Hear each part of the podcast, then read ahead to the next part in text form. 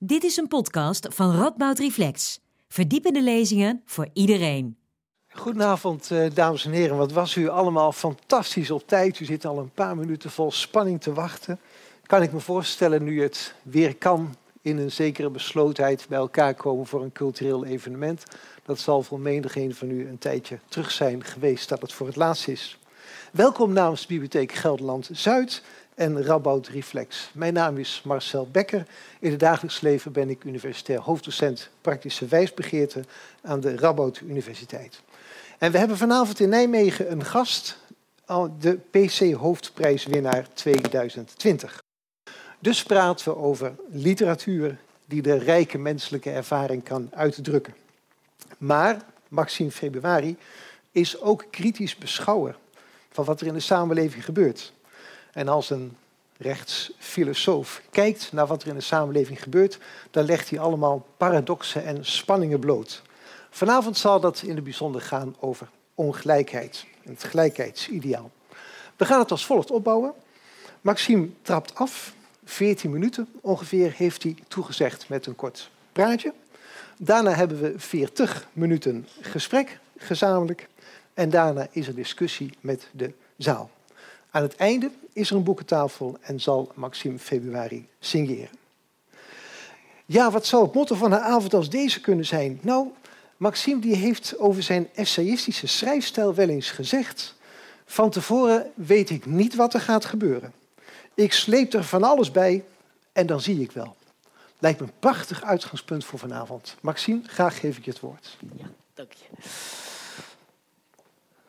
Zo, goedenavond.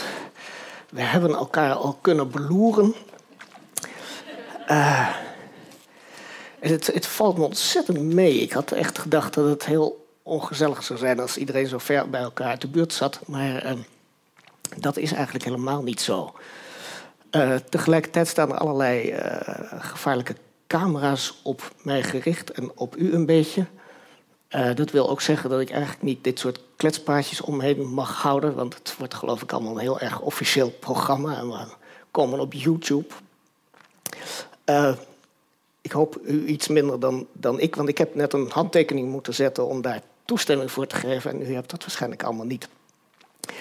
Uh, het is inderdaad waar dat je met essayistiek en ook met zo'n avond als deze eigenlijk nooit precies weet waar je uitkomt. Want laat ik u heel kort iets vertellen over de voorgeschiedenis van deze avond. Een paar maanden geleden uh, hebben wij dit al afgesproken, of misschien iets meer dan een aantal maanden geleden. En toen zou het in de kerk zijn.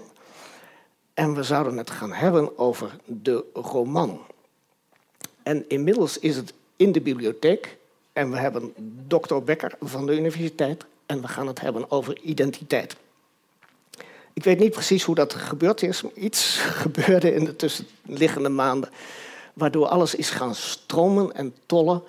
En dat is natuurlijk uh, met alles eigenlijk gebeurd deze afgelopen maanden. Er is zo ongelooflijk veel uh, gebeurd. Niet alleen door de corona, maar überhaupt door allerlei maatschappelijke veranderingen in de wereld. Dat we uh, het over andere dingen moeten hebben. Met andere gesprekspartners op andere locaties. En dat zien we dan vanavond ook wel weer heel erg goed. Um, dat wil ook zeggen dat we het nu gaan hebben over identiteit, over emancipatie. En dat raakt een beetje aan het gesprek over racisme. Um, en daarover breng ik natuurlijk niet de laatste waarheid. We hebben, zitten sowieso in tumult. Um, en ik heb daarover geen conclusies mee te geven. Het, het, is eigenlijk alleen de bedoeling dat we wat lijnen uitzetten waarmee we misschien dat gesprek kunnen voeren. En ik dacht, laat ik u eerst eens meenemen een tijdje terug naar uh, minister-president Balkenende. Uh, die herinnert u zich allemaal als u boven de 25 bent, wat vrijwel voor iedereen hier geldt. Uh, Balkenende bracht het gesprek in de tijd op normen en waarden en daarmee op de gemeenschap. Het was in die tijd een uh, discussie gaande tussen gemeenschapsdenkers en liberalen. Die gemeenschapsdenkers heten ook wel communitaristen. En Jan-Peter Balkenende was een van die gemeenschapsdenkers. En hij was een uitgesproken voorstander van de gedachte dat een samenleving een morele gemeenschap is. Dat wil zeggen dat een samenleving verbonden is uh, door het hebben van gedeelde gemeenschappelijke waarden. Um, en um, een moraal kun je omschrijven als een set van normen en waarden. En zo'n morele gemeenschap is dus een gemeenschap die een, die set van normen en waarden deelt. Opvattingen over goed en kwaad, over verantwoordelijkheid, over zorg. Uh, die opvattingen geef je vervolgens aan elkaar door door kinderen ermee op te voeden. Bijvoorbeeld, je bespreekt ze met elkaar en je bediscussieert ze.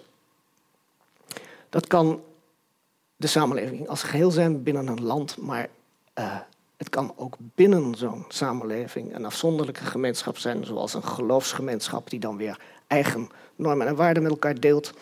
Um, opvattingen en overtuigingen. En u herinnert zich misschien nog wel dat toen net die Europa-discussie flink op gang kwam en Balkenende zich ervoor uitsprak dat Europa vooral ook een morele gemeenschap zou moeten zijn.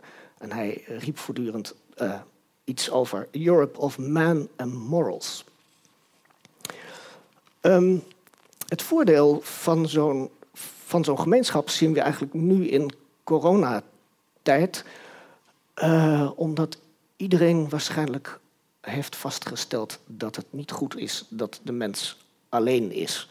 Dat geldt zelfs voor mij. Ik ben een heel solitair levend mens, maar het viel mij toch flink tegen. Ik ben ontzettend blij dat u hier nu zit en dat ik eindelijk weer echte mensen zie. Uh, die ademen en zo, die voelt een beetje zo op afstand, energieën. Um, dus dat is het mooie van het hebben van een gemeenschap, dat je niet alleen bent. Uh, ik had vroeger een hoogleraar ethiek. Eigenlijk zijn Marcel Becker en ik uh, collega's, zelfs in Nijmegen ook een tijdje collega's geweest zijn in andere faculteiten. Um, maar ik ben in Utrecht opgegroeid en, en opgeleid in de ethiek. En ik had een hoogleraar die kwam oorspronkelijk niet uit Nederland. En die sprak niet helemaal vlekkeloos Nederlands. En kennelijk had hij dat begrip gezelligheid nooit helemaal in de vingers gekregen. Want hij had het altijd over mensen zijn gezellig levende dieren. En hij bedoelde sociaal levende dieren. Maar ik vond het eigenlijk wel zo'n pakkende term dat ik hem heb overgenomen. Um, en het is natuurlijk ook zo. Mensen zijn gezellig levende dieren. We willen elkaar zien en we willen elkaar als als, als iemand ziek is, soep brengen. Um, ik ben net na het boekenbal een beetje ziek geweest. Misschien had ik zelfs wel corona. En er stond een buurvrouw op de stoep met zo'n zo'n mandje. En ze had ook nog een rood mutsje op. Um, en er was, ik woon op de, op, in de Betuwe en er was net in Galdermas een wolf gesignaleerd. Goed, dat is op de manier waarop wij gezellig leven en dat is heel waardevol. Um, het nadeel van dat gemeenschapsdenken is dat op het moment dat je uh, gemeenschappen maakt en je hebt het over inclusie, dat het tegelijkertijd altijd tot exclusie leidt. Iedere vorm van inclusiviteit is tegelijkertijd exclusiviteit. Buitenlanders behoren niet tot de nationale gemeenschap. Niet-Europeanen behoren niet tot de Europese gemeenschap. Katholieken behoren niet tot de protestantenzeil. En de christenen behoren niet tot de Umma, de wereldwijde islamitische gemeenschap. Dus het is ontzettend leuk om de buren voortdurend soep te brengen, maar wie slaan we over en wie krijgen er dan geen soep? En voor dit probleem biedt de mensenrecht, het mensenrechten denken een oplossing mensenrechten, denk ik gezegd, de hele uh, de morele gemeenschap van mensen is universeel. Um, en ieder mens, ongeacht tot welke groep je behoort of uh, uh, gemeenschap je behoort, heeft rechten als mens. Dus niet als Nederlander, niet als inwoner van Gelderland, niet als katholiek, maar als mens omdat je geboren bent. Dat wil ook zeggen dat de mensen zonder papieren, de befaamde sans-papier, ook rechten hebben, mensenrechten op basis van het feit dat ze überhaupt bestaan. Niet zo lang geleden was er een humanistische organisatie in Nederland die had bedacht dat het een goed idee zou zijn om de mensenrechten af te drukken in het paspoort. En toen dacht ik, dan heb je het niet zo goed begrepen, want die mensenrechten horen niet in het Nederlandse paspoort. Die mensenrechten hebben, heeft iedereen, ook mensen zonder paspoort. Het mensenrechten denken heeft ook nadelen. Het is ten eerste hebben Afrikaanse en Aziatische denkers lange tijd gezegd westers georiënteerd. Um, en in het Westen zelf is er veel kritiek op, onder andere vanuit het Marxisme, omdat er gezegd is: het is te individualistisch georiënteerd. Je hebt als mens individueel rechten en dat leidt tot vergaande individualisering. En daar zijn we nu al decennia over bezig dat dat iets verschrikkelijks is, die individualisering. Um, en ik ben ontzettend blij dat ik niet de enige ben die vindt dat het wel meevalt met die individualisering. Ik heb een tijdje geleden gehoord dat Helle Haase placht te zeggen: we zijn nog lang niet individualistisch genoeg. Uh, daar ben ik het eigenlijk ook wel mee eens. En vooral vanuit dat mensenrechtenperspectief. Het is belangrijk om het mens in zijn eenzaamheid, dat is ook niet voor niets Helle Haase geweest, een romanschrijver, mens in zijn eenzaamheid en verlorenheid. De mens als romanpersonage heeft rechten nodig. Um, goed, dus dit was lange tijd de discussie. In het, in het zo'n twintig jaar geleden uh, heel heftig opgeflakkerd. De gemeenschap versus het individu. En nu zijn we in 2020 opeens in een heel andere discussie beland over gemeenschap versus individu die gemeenschappen die worden nu niet gedefinieerd en aangewezen op basis van uh, gedeelde normen, waarden, gedeelde opvattingen, gedeelde overtuigingen, maar uh, op basis van kenmerken. Seksen, kleur, uh, seksuele geaardheid.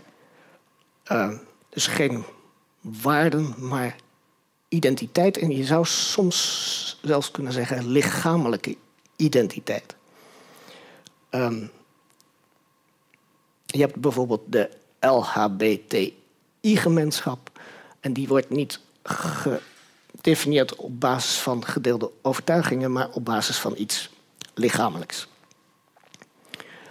Um, seksen en ras, waar we nu middenin zitten in die discussies, zijn heel lastig te definiëren begrippen, of ze zijn misschien zelfs helemaal niet te definiëren begrippen. Maar je kunt er één ding wel van zeggen: het gaat bij seks en ras niet om wat je denkt of wat je vindt, maar om wie je bent. Um, dus in die discussie zitten we dit jaar. Uh, die gaat over gemeenschappen op basis van wie je bent. Ook nu heeft dat kijken naar gemeenschappen weer uh, voordelen en nadelen. De voordelen zijn duidelijk. Um, voordeel van gemeenschapsdenken ook bij deze gemeenschappen zit er in, in, in het, uh, de mogelijkheid tot emancipatie. Die je met elkaar kunt bewerkstelligen. Je sluit je aan één als groep omdat je vervolgens rechten kunt opeisen. Je kunt je sociaal-economische positie verbeteren. Uh, het maakt je sterker als je samen optrekt. Het gaat om een gezamenlijke claim op erkenning, uh, maatschappelijke gelijkheid, volwaardig lid zijn van de maatschappij, volwaardige deelname aan de maatschappij. Um, dus ik zeg nu wel, we zijn daar nu opeens in beland, maar dat zijn natuurlijk helemaal geen nieuwe bewegingen. De vrouwenemancipatie is al eeuwenoud. Um, de homo-emancipatie, trans-emancipatie is al ouder. Black Lives Matter is natuurlijk al diep in de 20e eeuw flink opgekomen. Maar het lijkt nu wel alsof ze opeens een definitieve stap zetten. En ik moet zelf zeggen uh, dat ik daar eigenlijk vrij optimistisch over ben dit jaar. Het is een rommelig jaar en er gebeurt van alles, maar ik denk dat dit een hele gunstige ontwikkeling is en dat er echt iets gebeurd is uh, wat niet meer valt terug te draaien. En zeker in die zoveelste opflikkering van de emancipatiestrijd in de 20e eeuw voortdurend is opgeflikkerd, maar nu net over een hobbel heen is gekomen waarvan je denkt: dit kan niet meer terugzakken. Uh, ik denk eigenlijk dat dit goed gaat. En ik denk ook wel dat we nog uh, jaren geduw en getrek zullen zien. Ik heb deze zondag even naar zomergasten gekeken met Typhoon. En vervolgens even de discussie bekeken op Twitter. En daar word je niet helemaal vrolijk van. Maar het zijn wel achterhoedegevechten. En het zijn achterhoedegevechten van mensen die zo ver zijn achtergesteld, denk ik, dat ik ook wel begrip heb voor het geduw en getrek. Um, en misschien de hevigheid daarvan wil eigenlijk ook wel zeggen dat er, dat er iets gebeurd is wat niet meer terug te draaien valt. Goed, dat gezegd zijn, kunnen we dus meteen naar de nadelen gaan kijken. Filosofen zijn ongeduldige mensen die, die willen altijd door. Um, dat wil zeggen dat je kunt gaan kijken naar de nadelen die over een paar jaar van deze emancipatiebewegingen het gevolg zullen zijn. Nadelen van deze vormen van gemeenschapsvorming op basis van wie je bent gaan opnieuw over uitsluiting, exclusiviteit, discriminatie. Uh, sluit je, uh, vorm je gemeenschappen, er vallen altijd mensen uit, dat is heel ongezellig. Um, en ten tweede past het individu in haar of zijn veelvormigheid eigenlijk nooit precies binnen de criteria van de groep. En dat wil zeggen dat voor al die losse individuen die nu in groepen geprobeerd wordt in groepen te duwen, uh, er al gauw iets wringt, omdat ze niet in die groepen passen. En dan wringt er al heel gauw iets mensenrechtenachtigs. Iets individueels. Je hebt die rechten als Typhoon zei dat in de zomergast ook nog. Het gaat over jezelf als mens en niet als onderdeel van een groep. Dat was eigenlijk een recht, mensenrechtenuitspraak. Uh, je wilt je rechten niet hebben als lid van een groep, maar op basis van het feit dat je geboren bent. En um, we zitten in de bibliotheek, dus het is niet onverstandig om wat naar uh, literatuur te verwijzen. Uh, lees eens de Britse schrijfster Zadie Smith bijvoorbeeld. En wat zij over haar familie vertelt. Sadie Smith komt uit een familie die deels wit is en deels zwart. Haar vader en haar moeder hebben niet dezelfde ras, om dat moeizame begrip te gebruiken. Um, en dat wil zeggen dat zij voor de vraag staat: van ja, waar hoor ik dan bij? Moet ik nu in deze kwestie ook met een van die groepen mee? En moet ik dan de rest van mijn familie achterlaten? Ook ongezellig. Um, om precies diezelfde reden, en ik heb het er heel vaak niet over, maar we hebben het nu over identiteiten en, en emancipatiestrevens. Uh, dus ik heb het maar eens even over mijzelf. Ik benadruk om die reden heel vaak uh, dat ik heteroseksueel ben. En niet omdat ik daar nou zo verschrikkelijk trots op ben. En bovendien, je weet maar nooit wat er gebeurt in het leven. Um, dus misschien zeg ik over tien jaar wel heel iets anders. Maar voor zover ik weet ben ik heteroseksueel. En de reden waarom ik dat geregeld zeg is omdat ik het belangrijk vind om te laten merken dat er ook hetero's behoren tot de LHBT-gemeenschap. Uh, je ziet de laatste uh, jaren dat homoseksualiteit en LHBT soort synoniemen zijn geworden lees de kranten en dan zie je dat de meeste journalisten gebruiken die twee begrippen door elkaar. Uh, ik ben zelf lid van de T-gemeenschap, om nou maar een groep er tegenaan te gooien. Uh, maar niet van de L, H en de B. En er zijn heel veel trans mensen die heteroseksueel zijn. Meestal zijn ze dat dan vroeger niet geweest, maar nu toch wel. Uh, en dat wil zeggen dat er dus heel veel hetero's behoren tot de LHBT-gemeenschap. En dat is precies de reden waarom ik dat naar voren breng, net zoals Zadie Smith haar ingewikkelde positie naar voren brengt en zegt van ja, waar hoor ik nou toch eigenlijk bij? De dingen zijn altijd op individueel niveau veel ingewikkelder dan je denkt. Ben ik bijvoorbeeld, ik ben zoals u ziet in de 50, ben ik een oude, wit, witte, heteroseksuele man en behoor ik dus tot het centrum van de macht? Ben ik het establishment? Of ben ik zo'n leuke, hippe, uh, transseksuele man waar je tegenwoordig zoveel van hoort? En behoor ik dus tot de marge van de samenleving? Ik ben eigenlijk zo'n soort van. Ja, vroeger dwaalde dat wel veel door de boeken rond, zo'n zo'n plaatje. Als je op de ene manier kijkt, is het een eend. En als je op de andere manier kijkt, is het een konijn. En dat is bij mij eigenlijk ook zo. Ik ben ofwel oude witte heteroman of ik ben een transman. Goed, dit is een ingewikkelde kwestie voor mijzelf. In hoe ik mij voel in, in groepen. Ben ik daar nog helemaal niet uit. Ik denk ook niet dat ik daaruit kom. En dat is ook wel weer interessant. En je kunt het gebruiken om te laten zien dat de lijnen van dit soort groepen ontzettend diffuus zijn. En in de emancipatiestrijd die nu gaande is, en waar we al die, die, die televisieprogramma's en die debatten over hebben, moet het niet zo zijn dat die, dat die lijnen zo strak getrokken gaan worden dat het individu onderweg ergens sneuvelt. Uh, volgens Zadie Smith is het de literaire fictie, de roman, die laat zien dat, dat de problemen die we hebben als mensen uh, gerelateerd zijn. Dat we eigenlijk allemaal dezelfde soort van problemen in ons leven tegenkomen. En we schrijven over elkaar omdat we in elkaar geïnteresseerd zijn. Mannen schrijven over vrouwen, vrouwen over mannen. En als hij te streng gaat afbakenen, dan schaadt dat die wederzijdse belangstelling.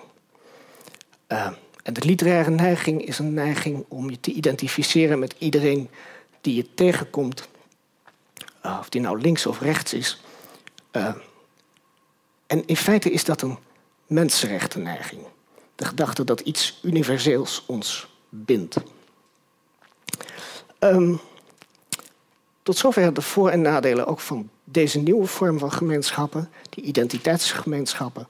En die zijn niet zoveel anders dan de voor- en nadelen van die eerdere, oudere, morele gemeenschappen. De voordelen zijn: het is gezellig, het maakt je sterker. Nadeel: het individu uh, gaat nogal eens teloor. Um, voordat we nu in gesprek gaan, nog een laatste complicatie. Um, ik zie veel ja, nu toch in een universitair verband zitten. Uh, je ziet aan universiteiten dat die langzamerhand gaan overgaan tot etnische registratie van docenten, uh, literatuurlijsten, studenten. En dat uh, gaat dan, ik heb zelfs berichten uit Harvard gehoord, dat mensen dan wanhopig gaan googlen, de docenten, om te kijken naar hun foto wat voor huidskleur ze hebben. Nou, dat is om heel erg veel redenen problematisch. Um, ten eerste omdat dingen als ras, etniciteit, huidskleur allemaal heel erg verschillende begrippen zijn die je veel duidelijker zult moeten gaan uh, uh, definiëren om te weten wat je nou eigenlijk wilt weten. Ten tweede omdat je dingen niet aan mensen kunt zien. En je zit ook met het Zadie Smith-probleem. Um, hoe registreer je iemand die zelf eigenlijk niet precies weet hoe hij of zij geregistreerd wil worden? En we zullen het zo hopelijk, denk ik, nog Marcel Becker en ik samen hebben over deze roman die ik iedereen ontzettend kan aanbevelen van Philip Roth, The Human Stain, De Menselijke Smet. Prachtig boek, iedereen begint al helemaal te grijnzen. Um, maar ik dacht opeens, ik, ik, neem ook deze even mee. Dan kun je misschien uit de verte degene die vooraan zitten, ze kunnen er iets van zien. Dit is um, een kinderboek van Tommy Ungera. Dat heet Flix. En dat gaat over een kattenfamilie die op een gegeven moment een kind krijgen. En dan blijkt dat kind een hond te zijn. En eigenlijk is dit dat precies hetzelfde verhaal als dit, alleen heeft het iets ingewikkelder proza voor nodig dan hier. Um, die kattenfamilie denkt, oh, nou, het is een hond, ook lief. En die voeden hem op. Uh, maar op een of andere manier komt dat in de krant. En dan staat er uh, uh, genetische monstruositeit. En groot probleem. Uiteindelijk, ehm, na allerlei verwikkelingen, trouwt Flix zelf ook weer met een hele aardige hond. En krijgen een kind en u raadt het al.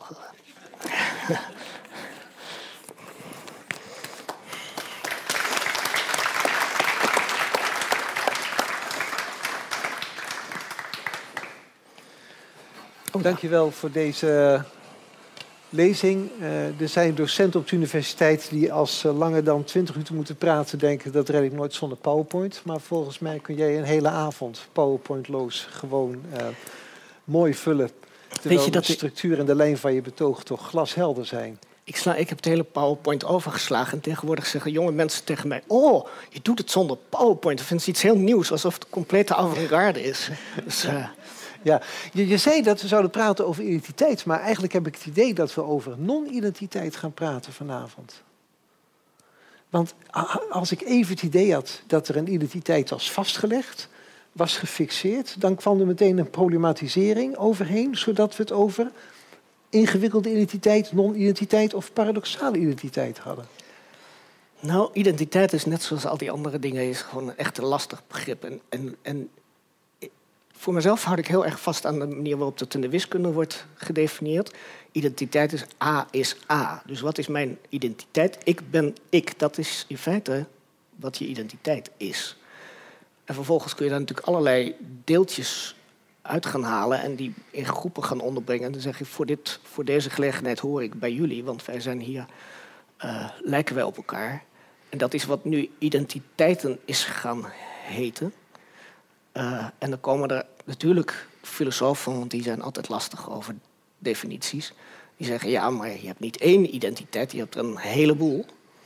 Uh, boek van Amartya Sen bijvoorbeeld, uh, al een tijdje geleden uitgekomen, Identity and Violence. Om te benadrukken hoeveel identiteiten één iemand in zich kan verenigen. Maar eigenlijk komt het erop neer dat je één identiteit is, hebt, namelijk dat je jezelf bent. Ja. Dat is precies die mensenrechten-identiteit. Ja. ja, en uh, hoe verhoudt zich daartoe de uitspraak van Helle Haase, die je in het begin aanhaalde: we zijn nog niet individualistisch genoeg? Nou, ik denk dat, dat haar bezwaar was tegen het voortdurende groepsdenken, wat kennelijk in haar tijd al uh, ergerlijk was. En ik vind zelf dat het alleen nog maar is toegenomen. Ik vind het nu op een moment echt per jaar toenemen. Dat je voortdurend, en het komt ook om, ik hou me heel erg veel bezig met de werking van digitalisering en, en hoe algoritmes met ons omgaan en hoe zoekmachines met ons omgaan, hoe Google naar ons kijkt. En dan zie je dat dat eigenlijk allemaal gaat op basis van statistieken. Dus als je uh, een boek koopt en je krijgt een aanbeveling voor een ander boek dat je eventueel ook zou kunnen kopen, is niet omdat plotseling uh, de boekwinkel jou zo verschrikkelijk goed kent, maar omdat er statistieken op losgelaten worden. Waarvan gezegd wordt, de mensen die dit ene boek leuk vinden, vinden het andere boek ook leuk. Meestal klopt dat helemaal niet. Maar het is toch wel onze manier van denken geworden. En uh, je ziet dat zowel de problemen op het moment eigenlijk allemaal ontstaan doordat we onszelf in groepen indelen. En dat de oplossingen op het moment ook allemaal uh, in termen van groepen worden bedacht. En dat komt volgens mij door de, doordat de wereldbevolking zo groot is geworden dat we niet meer individueel aangestuurd kunnen worden. Dat we allemaal in groepen heen en weer geleid moeten worden. Ja. Ik stel voor dat we het zo meteen over digitalisering hebben. Maar ik wil eerst even iets oppakken. Wat je vertelde naar aanleiding van de identiteitspolitieke bewegingen. Mhm. Waar je vrij optimistisch over eindigde dan ben ik toch een filosoof om daar wat in te proberen te problematiseren. Als eerste, heeft het niet iets paradoxaals dat mensen op basis van een hele individuele eigenschap, van wat je bent, zich plotseling bekeren tot lid van een massabeweging, van een groep? Zit daar niet een rare paradox in?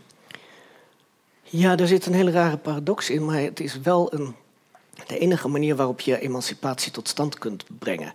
Uh, ik denk altijd als iedereen in de wereld zo voorzichtig en genuanceerd zou zijn als de gemiddelde filosoof, zoals jij of zoals ik, dan zou er echt helemaal niets gebeuren.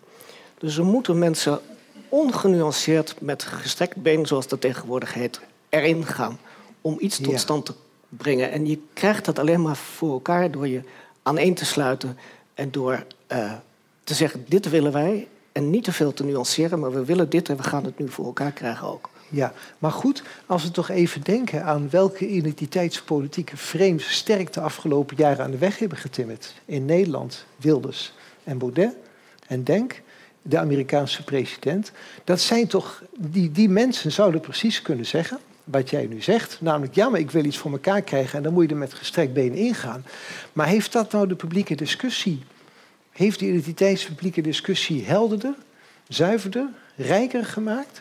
Er zit aan het identiteitspolitieke vreemd toch een gevaar dat mensen er met zo'n gestrekt been ingaan dat er alleen maar polarisatie en nog meer oneenigheid ontstaat. Ja, het zal duidelijk zijn dat ik er verschrikkelijk tegen ben. Alleen, ik denk wel dat je op deze manier iets teweeg brengt. je kunt niet ontkennen dat Trump behoorlijk wat voor elkaar heeft gekregen. Hij is op deze manier de machtigste man van Amerika geworden.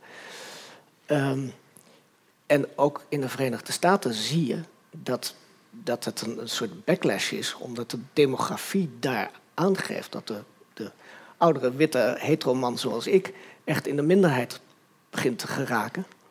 Uh, en dat was in de strijd tussen Trump en Hillary Clinton natuurlijk het grote. iedereen was aan het tellen. Hoeveel meer vrouwen zijn er dan mannen? Hoeveel meer Latino's zijn er dan, dan witte Texanen? Ja, maar laat ik het dan even filosofisch mijn vraag herformuleren.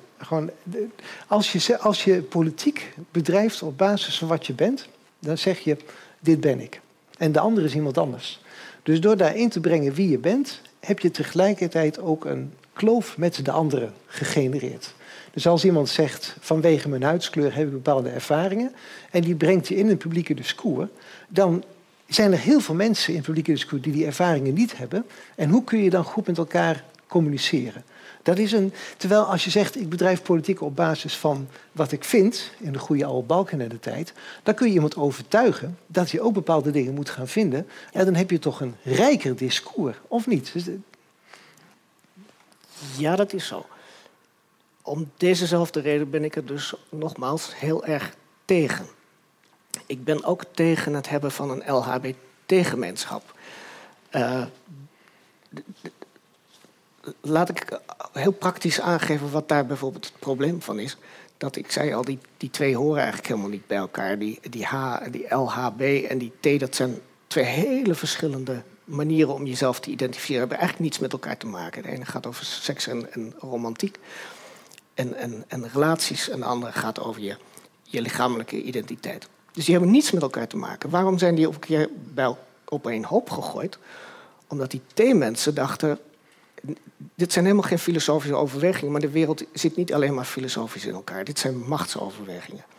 Die T-mensen dachten, wij willen ons emanciperen... en die handige homo's die hebben dat hele uh, infrastructuur hebben ze al op orde. Als we ons daar nou bij aansluiten, dan kunnen we mee. En ik weet in Nederland bijvoorbeeld dat de ministeries dachten... dat is handig, dan hoeven we al die idioten niet los van elkaar te spreken. Maar dan nemen we gewoon één vertegenwoordigend orgaan... en die ontvangen we op donderdagmiddag om drie uur. En dan hebben we dat afgewikkeld. Dit zijn de praktische overwegingen waarop dit soort gemeenschappen aan elkaar geplakt worden. En vervolgens zit je met gebakken peren, want dan heb je een vertegenwoordigd orgaan wat je helemaal niet vertegenwoordigt. En dan kom je erachter dat je helemaal niet van elkaar houdt. En dan krijg je in, Engeland van die bewegingen uh, Drop the T heette die. Dat zijn homo's en die willen de transmannen. Nou, conflicten intern. Dat geldt natuurlijk voor alle groepen die er zijn. Dat de conflicten intern altijd heel groot zijn. Ik was laatst in de rommel in de kast. Toen viel er echt een boek uit de kast. En dat, uh, dat heette Conflicts in Feminism. En dat ging over wat de grote breekijzers zijn tussen vrouwen onderling in dat feminisme. Dus het zijn helemaal niet echte groepen. De enige reden waarom je je aaneensluit is macht. En dat is een politieke overweging en dat is geen filosofische overweging. En machtsgebruik, of dat nou van rechts is of van links of van hele lieve clubs of van hele, hele vervelende clubs. Met macht is altijd filosofisch iets mis. Je, zit, je, je, je drijft je zin door, je drijft je wil door. Het bevalt mij helemaal niet. En tegelijkertijd zie je nu dat, dat feminisme, ik, ik heb, ben ook heel kritisch tegen hem over de manier waarop vrouwen sommige dingen voor elkaar aan het boksen zijn op het moment. Ik zit in vergaderingen waar vrouwen echt rukzichtloos zeggen, zomaar openlijk, van ja, ik ga dat binnenkort even binnen mijn vrouwennetwerk regelen. Dan denk ik, ja, dat moeten mannen zeggen. Ik ga dat binnenkort eens binnen mijn mannennetwerk regelen. Het zijn hele rare manieren om je emancipatie erdoor te duwen. Zolang je nog heel erg op achterstand bent, denk ik, moet je dat kunnen toestaan. Moet je denken, jij bent zo ver achter, je mag nu e- wel eventjes bij elkaar gaan zitten om die macht te gaan gebruiken. En bij vrouwen vind ik dat je nu al voorzichtig moet gaan worden van, nou, volgens mij is dat machtsevenwicht best al een beetje aan het kantelen. Dat je moet nu gaan oppassen met het hebben van, van groepsidentiteiten. Dus nee, filosofisch is het problematisch. Het, het deugt van geen kanten, maar politiek werkt via macht en af en toe moet het even. Ja, en dan lijkt, lijkt het dat we er zijn. Goed, de macht heeft dan zijn eigen recht van spreken. Maar dan komt de kunst. En de kunst gaat die mensen die zich vanuit machtspolitieke overweging goed bij elkaar hebben, gebonden, hebben gebracht, dan gaat de kunst niet zozeer in dienst van die emancipatie werken, maar de kunst die jij noemde, die gaat die macht en die emancipatiestreven gaat ze problematiseren. Ja. Want de romans die je noemde lieten net zien dat die identiteit, emancipatie, veel ingewikkelder is dan in eerste instantie lijkt. Ik denk dat op het moment de kunst en met name de literatuur de laatste bastion nog is van het mensenrechten denken. Uh, alles in een samenleving is zo op groepen gericht. En niet alleen dat identiteitsdenken, maar op allerlei manieren worden we alleen nog maar via groepen aangestuurd. En de enige plek waarop het mensenrechten denken nog echt bloeit, is binnen de roman. Omdat daar wordt gekeken naar het individu, wat daar op altijd tussenuit valt. Wat nooit lijkt op dat, die identiteit die je aangereikt wordt. Uh, die daar tegenin gaat, die daar last van heeft, van de macht van groepen. Uh, teloor gaat soms. En, en, en ja, dat soms ook op, op allerlei, denk aan, aan Wellebeck, op, op vrij uitgesproken manieren uh, tegen keer gaat.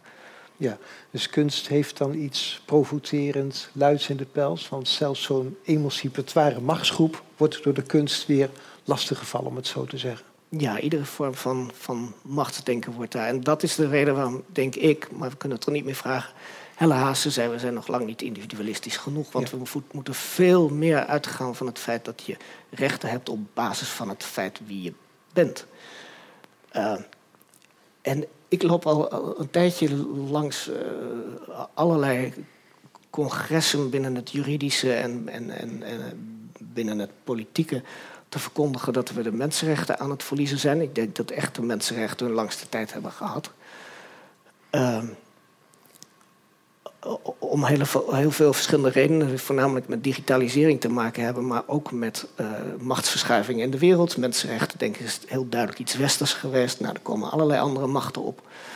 Um, er zijn problemen die zijn groter. Klimaatprobleem zal zoveel van ons vergen dat we ook zullen zeggen: misschien moeten we de mensenrechten maar opgeven. Ik denk dat die mensenrechten de komende decennia onder ontzettend grote druk komen te staan. Uh, Mike Rutte heeft in Nederland alles laten uitzoeken op ministeries of we niet onder het EVRM uit kunnen. In uh, Engeland heeft uh, Theresa May dat heel erg bepleit om, om het Europese verdrag op te zeggen.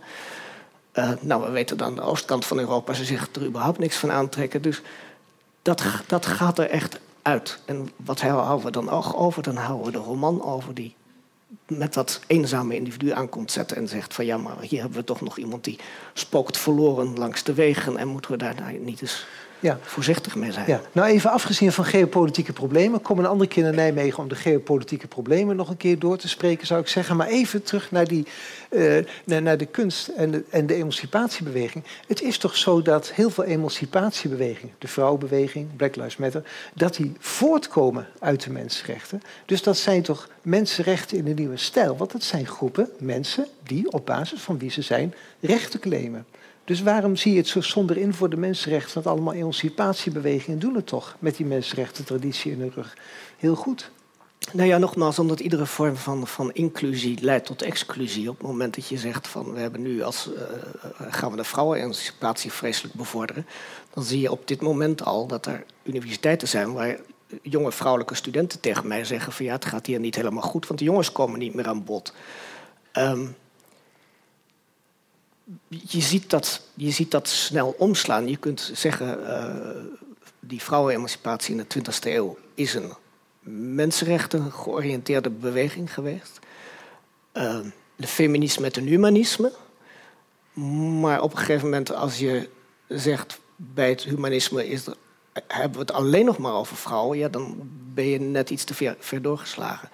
Dus ehm, het is wel zo dat je je met die emancipatiebewegingen je op mensenrechten oriënteert, maar op het moment dat je je die emancipatiestrijd echt gaat afbakenen, je zet een, een, een grens om die groep heen en de rest valt er buiten, dan ben je al geen mensenrechten. Ja, ja. dus mensenrechten is dan een heel erg abstract begrip dat iedereen afgezien, ongezien wie die is, dat hij per se een bepaalde plaats krijgt. Zonder dat er meteen bepaalde uitsluitingen gaan, uh, gaan spelen. En zeg je, de roman is bij uitstek de plaats waar die mensenrechten dan op een of andere manier gevierd kunnen worden. Nog, nog uitge, uitgeleefd kunnen worden. En, en vind ik heel intrigerend, want mensenrechten associeer ik altijd met abstracte begrippen als rechtsstaat, met die hele abstracte filosofie van Immanuel Kant. En dan ga jij de roman als plaats van de mensenrechten bij uitstek ga je, ga je uitleggen. Daar moet ik even aan wennen. Kun je dat voorstellen? Nee. um, ja, ik weet zelf ook niet of ik het mensenrechten denken met de rechtsstaat de, associeer, omdat ik altijd wel erg geïnteresseerd ben geweest in die, die stateloosheid. Uh, maar goed, wat is er voor mensenrechten discours in de roman van Celi, romans van Celi Smith bijvoorbeeld? Waar, waar vind je daar de mensenrechten gedachte terug? Nou, die mensenrechten gedachten zitten in die romans. Ze zitten ook zeker in de essays, juist omdat ze uh, haar eigen positie problematiseert en, en zegt: ik kan geen andere identiteit voor mezelf vinden dan de identiteit van A is A, ik ben ik, en op grond daarvan uh, leef ik en schrijf ik en kan ik mij identificeren met anderen.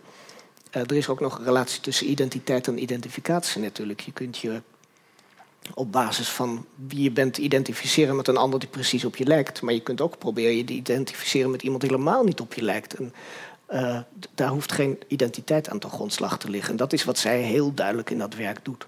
Door voortdurend over die grenzen heen te gaan. Uh, en zij heeft ook essays geschreven tegen dat hele idee van appropriatie. Ze zegt, ja, ik mag toch overal over schrijven waarover ik ja, maar, maar, zoals je het nou beschrijft, is een roman dus een plaats waar iemand kan ook spelen met identiteit. Aan de ene kant kleeft identiteit ons aan. In, die roman van, van die je aanhaalt, The Human Stain, daar is onmiskenbaar sprake van identiteitsproblemen.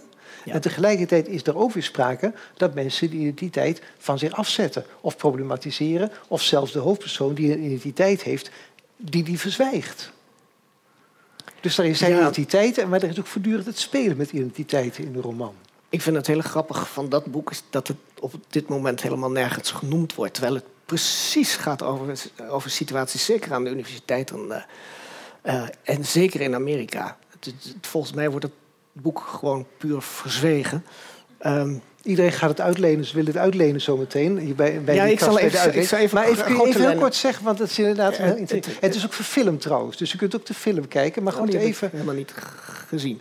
Ja, um, met Anthony Hopkins in de hoofdrol. Heel erg... Uh... Oh, ook best lastig. Um, dit gaat over iemand in een, die uit een zwarte familie komt... en die um, zelf op het oog niet zwart is. Ik neem aan dat u dat allemaal Ik heb ook vrienden uit Indische families waar plotseling één wit, helemaal wit kind in is. En dat gebeurt hem en hij besluit dat hij zijn carrière toch makkelijker kan vervolgen als hij zich voordoet als een witte Amerikaan dan een zwarte. Dus hij zegt dat nooit. Hij raakt vervolgens aan de universiteit hoogleraar en wordt daar ontslagen omdat hij een woord heeft gebruikt waarvan de zwarte studenten vinden dat het pijnlijk is.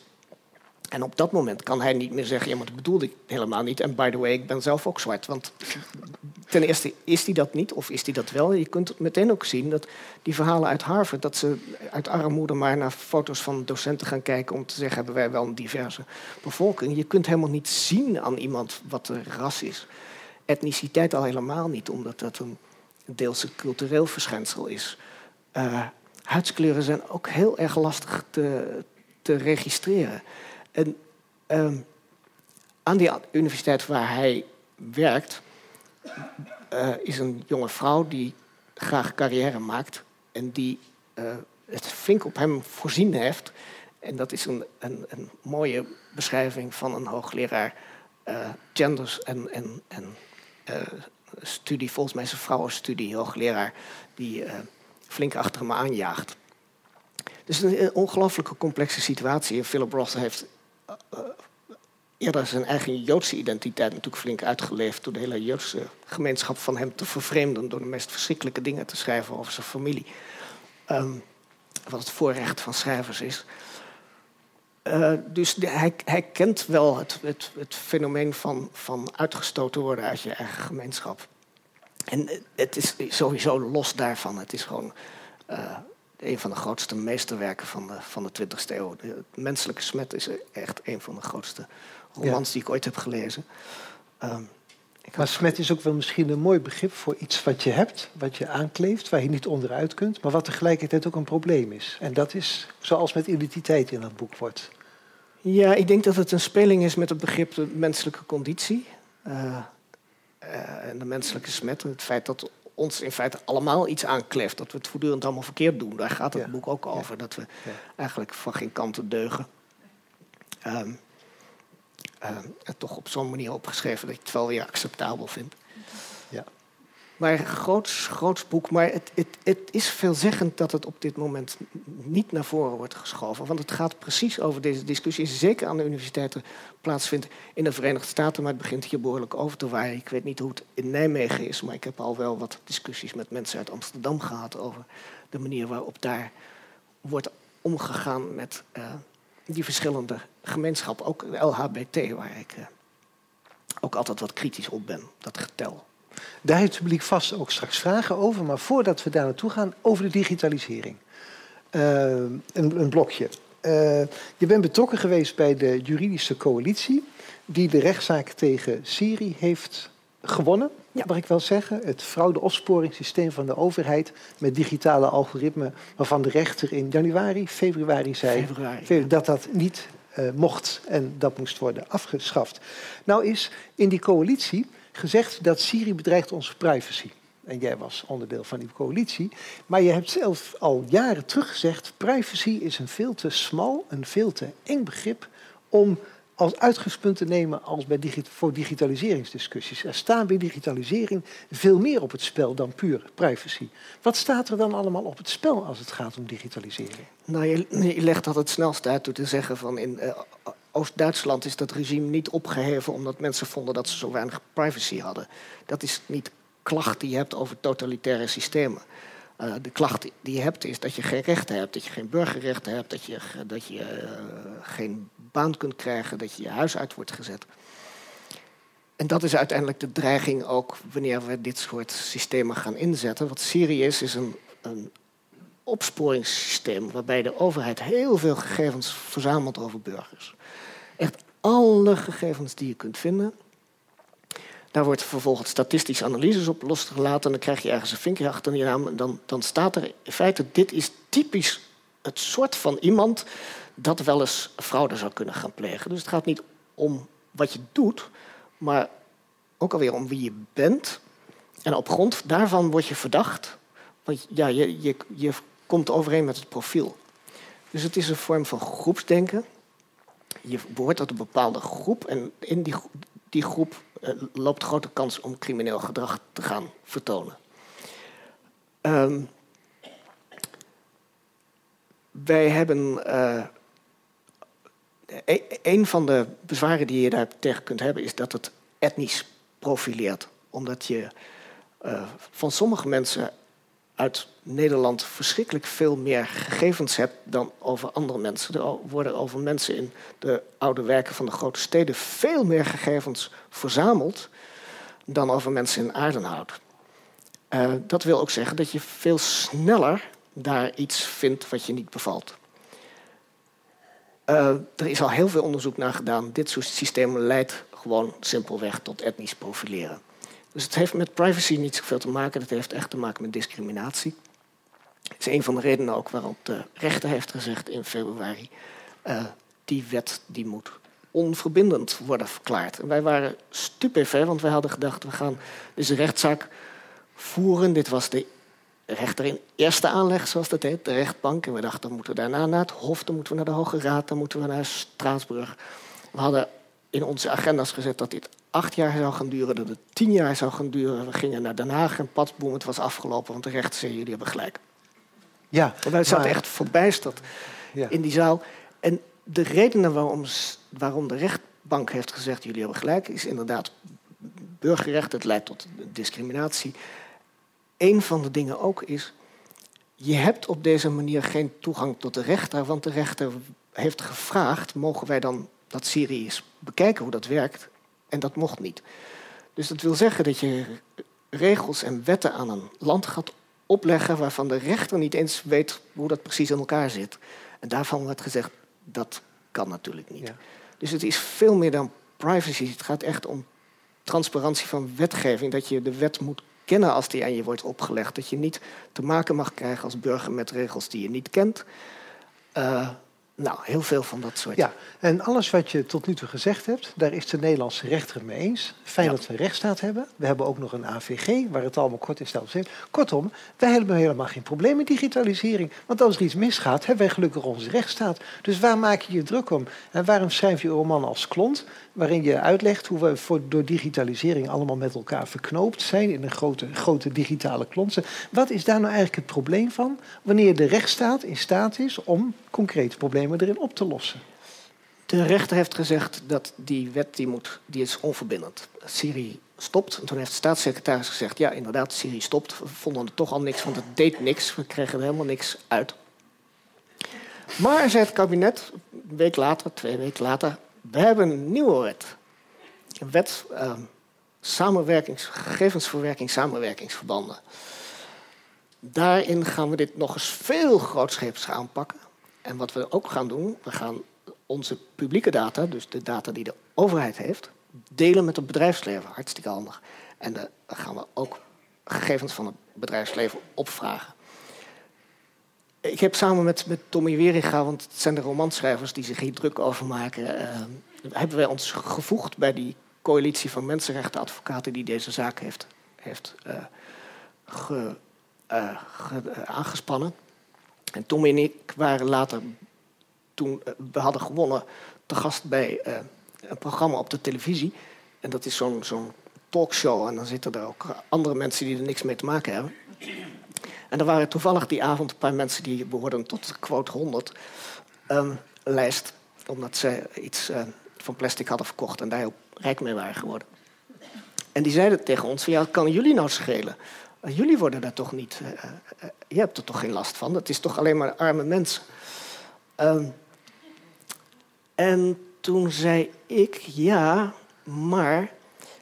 ehm, het was bij het programma van Bo van Boeren, van Erven Dorens.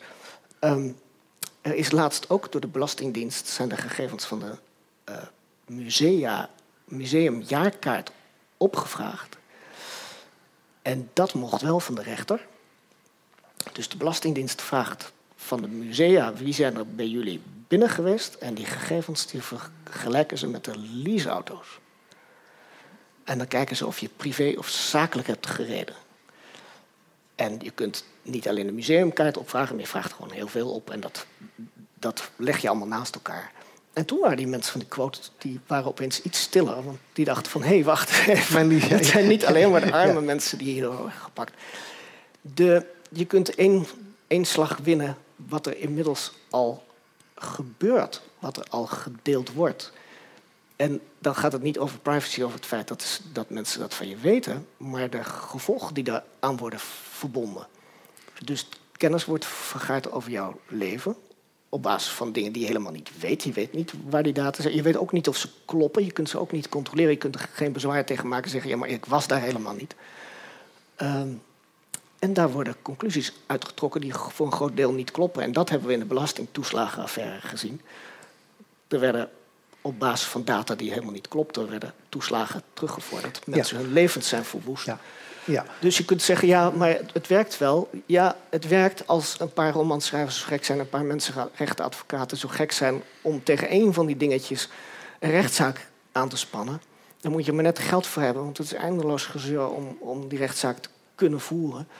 En je moet het maar net zin in hebben en de animo hebben. Maar het is één zaak en op het moment spelen natuurlijk heel veel van dit soort. Ja. Dit is de manier waarop Ja, maar ik wil toch even de vinger erachter krijgen waarom deze manier dan precies problematisch is. Want er is een intuïtie die zegt, als je de fraude mee kunt bestrijden, als je de boeven mee kunt pakken, nou dan moet je het in principe toch een goede zaak vinden. Of die boef nou uit een achterbuurt komt of uit de quote op 100 komt. In beide gevallen is het goed als we boeven kunnen vangen. Het is denkbaar dat er goede, verfijnde algoritmesystemen worden ontwikkeld die wel werken, die wel effectief zijn. En bovendien, als je nou mensen van tevoren duidelijk vertelt, als u gegevens aan de overheid afgeeft, dan kunnen ze op die en die manier gekoppeld worden. Dus als je er meer transparantie erin brengt, dat we allemaal weten wat met onze gegevens gebeurt, dan is er toch niet iets problematisch mee? Nou, er zijn heel veel veronderstellingen. Kijk, uh, het is niet alleen maar zo dat het gaat over gegevens die jij afstaat. Maar er worden systeemgegenereerde gegevens. Als jij over straat loopt en iedereen hangt van die gezichtsherkenningssoftware op, dan heb jij dat niet ondertekend dat je dat afstaat. Dat wordt door een systeem over jou gegenereerd. Sensoren die op straat hangen, die gaan niet aan jou vragen: vind, vind jij het goed dat we vandaag uh, registreren dat je hier langskomt? Dus er is veel meer dan wat jij zelf afstaat. Uh, ten tweede is er natuurlijk altijd een spanning tussen opsporing van misdaad en het hebben van burgerrechten en het hebben van het recht op een eerlijk proces. En over het algemeen is het zo dat je wordt ergens van verdacht en dan ga je naar een rechter en daar wordt dat bekeken of dat inderdaad wel zo is dat jij dat feit hebt gepleegd. Ja. Dit systeem, deze manier van besturen, slaat dat feit helemaal over. Het is rechter en uh, uh, het is, is, politie en rechter tegelijkertijd. Ja, ja. Tot slot nog even, want we zitten nu te praten in een bijna rechtsstatelijk gesprek over digitalisering en de ethische voor- en nadelen daarvan. Uh, wat is nou de link tussen waar we mee begonnen, dat individu, de roman, de identiteit aan de ene kant, en jouw zorg over digitalisering aan de andere kant? Nou, die digitalisering die zorgt er ook voor dat wij niet meer bekeken worden voor wie we zelf zijn, maar als groep, als, niet als iemand die gedrag vertoont, maar als iemand die voldoet aan het profiel van iemand die mogelijk gedrag kan vertonen. Dus je wordt niet meer bekeken op de dingen die je doet, maar op, op je, je profiel. Dat wil zeggen dat je steeds meer statistisch wordt aangestuurd en wat mij begint te fascineren, dat is dat de oplossingen daarvoor eigenlijk ook allemaal groepsgericht zijn. Ik las laatst in de krant dat er wordt heel erg nagedacht over hoe wij in de toekomst zullen wonen, omdat we nu allemaal met zoveel zijn. En over een tijdje zijn we met 22 miljoen mensen in dit land en dat past er allemaal niet meer in. Bovendien hebben we dan allemaal geen geld meer, dus dan worden we in hofjes uh, ondergebracht. En dan hebben we gezamenlijke keuken en een gezamenlijke woonkamer. En, zo. en dat is een van de groepsoplossingen. Alle oplossingen zijn ook groepsgericht. U kent waarschijnlijk het modieuze begrip commons. We hebben alles in groepseigendom. Ik zag nu de laatste tijd op televisie voortdurend voorbij komen de mogelijkheid tot uh, meubels lease. Dus je, je leest je, je meubels. Um, en dat is allemaal best heel erg leuk in die gedachte aan gezamenlijk eigendom. Maar het is allemaal in de, in de richting van, van groepsdenken. En daar is gedeeltelijk natuurlijk helemaal niks mis mee. En dat is met, ik zei, gemeenschappen hebben grote voordelen. En dat elkaar soep geven, hartstikke leuk. En gezellig samenleven, ook heel erg leuk. Maar we hebben niet voor niets, zeker na de Tweede Wereldoorlog, die mensenrechten zo heel erg nadrukkelijk op de agenda gezet. Omdat je altijd toch moet blijven kijken naar de bijzonderheden van elk individueel geval. En als je alleen nog maar met gezichtsherkenning en sensoren en statistieken en, en, en groepshofjes en, en, en uh, uh, mensen gaat aansturen, dan ben je op een gegeven moment dat mensenrechten, denk ik, kwijt. En ik ben daar ooit in geïnteresseerd geweest, omdat ik bij een vergadering was waar een topman was van een, van een IT-bedrijf. Die zei: Over een paar jaar hebben wij die mensenrechtenverklaring ook helemaal niet meer nodig, want dan hebben wij data. En dat wil zeggen dat je op basis van je data gewoon aangestuurd wordt naar wat het beste voor jou is. En dan word je genutst en ergens naartoe gebracht, naar je hofje, bijvoorbeeld met je lease uh, meubels. En daar begint gewoon de romanschrijver altijd een beetje te stijgen. En dat was ook de reden waarom Tommy Wieriga en ik daar in zo'n rechtszaal zitten. Omdat wij denken, ja maar die individuele mens die sans papier over de wereld schuifelt, die moet misschien toch nog wel wat rechten overhouden. En als we die rechten gaan afschaffen, en als Mark Rutte zijn zin krijgt en we gooien ze eruit, dan zou je iets anders moeten doen voor de mens. Dus je moet ook in de nieuwe manier waarop we de wereld gaan aansturen, nog enige zorg hebben om het individuele mens die hetero is, terwijl die in de LHBT-gemeenschap zit, uh, dat je daar oog voor blijft hebben. En mijn, mijn enige hoop is nog de roman. Dit heb je tot nu toe gezegd tegen het publiek als grote groep. In dat publiek zijn er vast individuen. Dat zijn allemaal individuen. Dat willen, die een vraag willen stellen. Ik zal die vraag ten omwille van de opname even herhalen. En dan komt het antwoord van Maxime. Wie? Mag ik als eerst? Mevrouw. Dus mevrouw vraagt, ik moet de vraag even herhalen. Voor, mevrouw vraagt, uh, je ziet de ontwikkeling dat we anders kritisch gaan kijken naar kunst, literatuur uit vroegere tijden en die dan zelfs willen aanpassen. Hoe kijk je daar tegenaan? Ja, ik, pas, pas nu je dat zo zegt, herinner ik me opeens dat ik als kind de uh, boeken van mijn ouders las en dat mijn grootouders dan in de allerlei woorden hadden doorgestrept. En dan stond er in de, in de zijlijn wat het eigenlijk had moeten zijn. Vooral als er enige krachtterm er stond in de zijlijn van oh heden of zo. Uh, dus het, gebeurt al langer natuurlijk, het aanpassen van literatuur. Alleen gebeurde dat met potlood en niet door de uitgeverij. Um, ik denk, ik, ik ben daar niet heel erg gelukkig mee met het aanpassen van, van uh, romans. Ik denk ook, en dat is wel een bezwaar wat ik heb tegen die identiteitsbewegingen op het moment, dat ze zo enorm historisch gericht zijn. Dat je voortdurend bezig bent van hoe was het in het verleden en wat is daar misgegaan in het verleden. Kunnen we dat in het verleden nog aanpassen? Waarvan ik denk, ja, dat lukt dus niet. Je kunt wel de teksten over het verleden aanpassen, maar het verleden zelf niet meer. Uh, ik ben daar zelf nooit zo erg in geïnteresseerd en ik begrijp het ook niet helemaal. Ik denk dat je veel meer nu zou moeten denken van hoe zorgen we dat we het nu netjes op orde krijgen. En, en een van die dingen is zorg dat je bijvoorbeeld die, uh, die uh, etnische profilering uit die systemen houdt die op ons afrazen. Dat vind ik een veel belangrijker onderwerp op dit moment. Van kijk eens wat er allemaal nog aan zit te komen en wat er daar mis kan gaan, dan dat je je vraagt wat is er in het verleden toch allemaal misgegaan. Ik denk ja, dat hebben we al gehad. Maar goed, ik ben gewoon weinig historisch geïnteresseerd. Dank. Hier vooraan, mevrouw. De politie moet en wil een diversiteitsbeleid voeren, maar diversiteit wordt heel breed gedefinieerd. En registreren en focusbeleid zijn ook weer ongemakkelijk daarin. Hoe kan de politie dat probleem oplossen?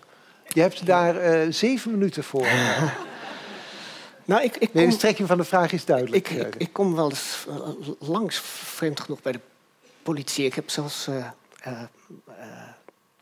net voor coronatijd nog een roman gelezen met de politie, wat heel erg leuk was.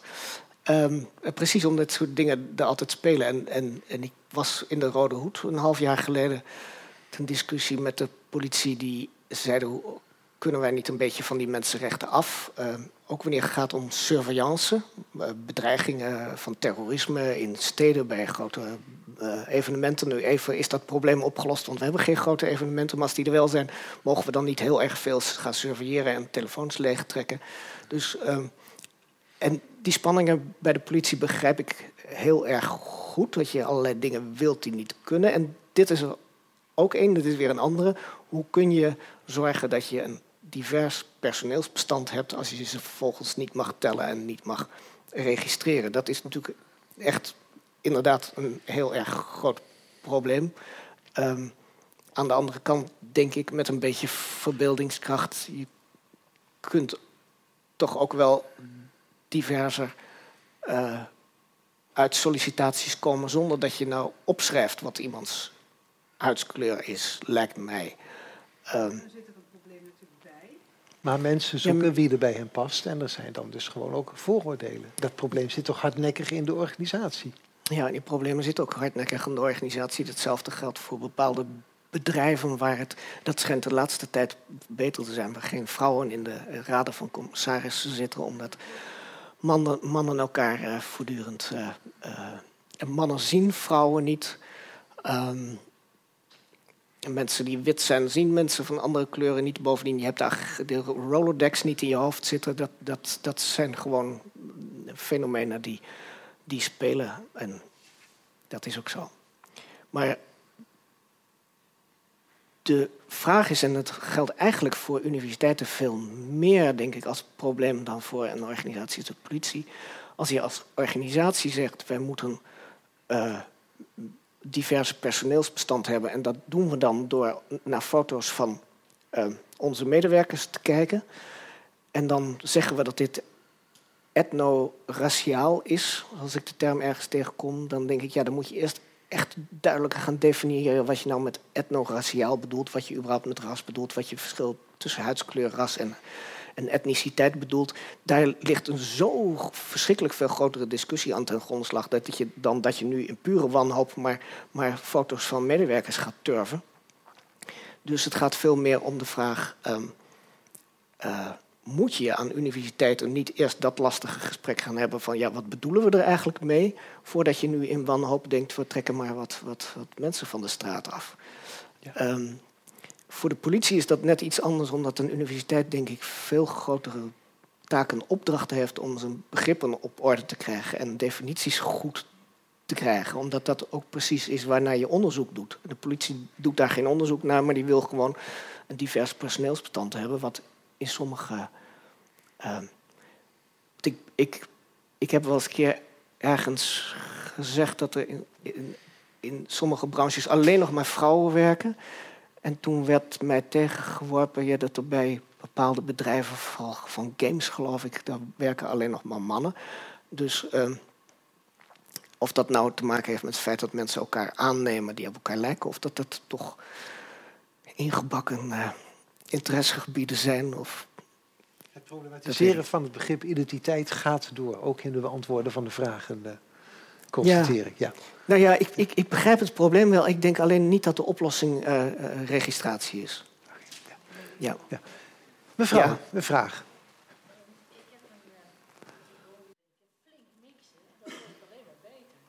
Het begrip ras is problematisch gezien het aantal menghuwelijken en zelfs mengkinderen. En dat we steeds meer, om in woorden van mevrouw Hutsekluts, aan het worden zijn. Ja. En, en, en u, jij spreekt maar steeds over ras, rassenproblematiek. Nee, als ik het woord ras gebruik, is om te zeggen dat ik het problematisch vind dat het aan de universiteiten wordt gebruikt.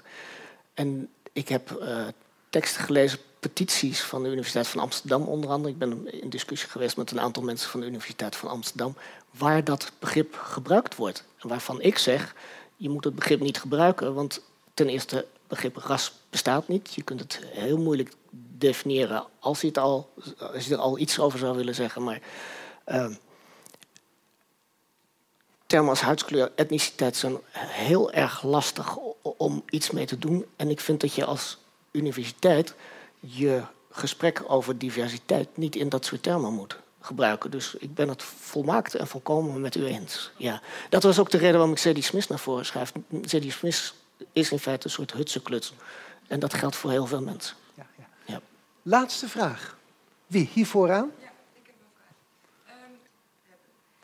Um, ja. Niet gemeenschappen op basis van moraliteit, ook niet op basis van identiteit, maar op basis van solidariteit met mensen die juist anders zijn dan jij. Dat type gemeenschap. Ja, uh, ik denk dat dat op precies diezelfde manier mooi is. Dat het namelijk gezellig is. En voor, de, voor het gemeenschapsgevoel.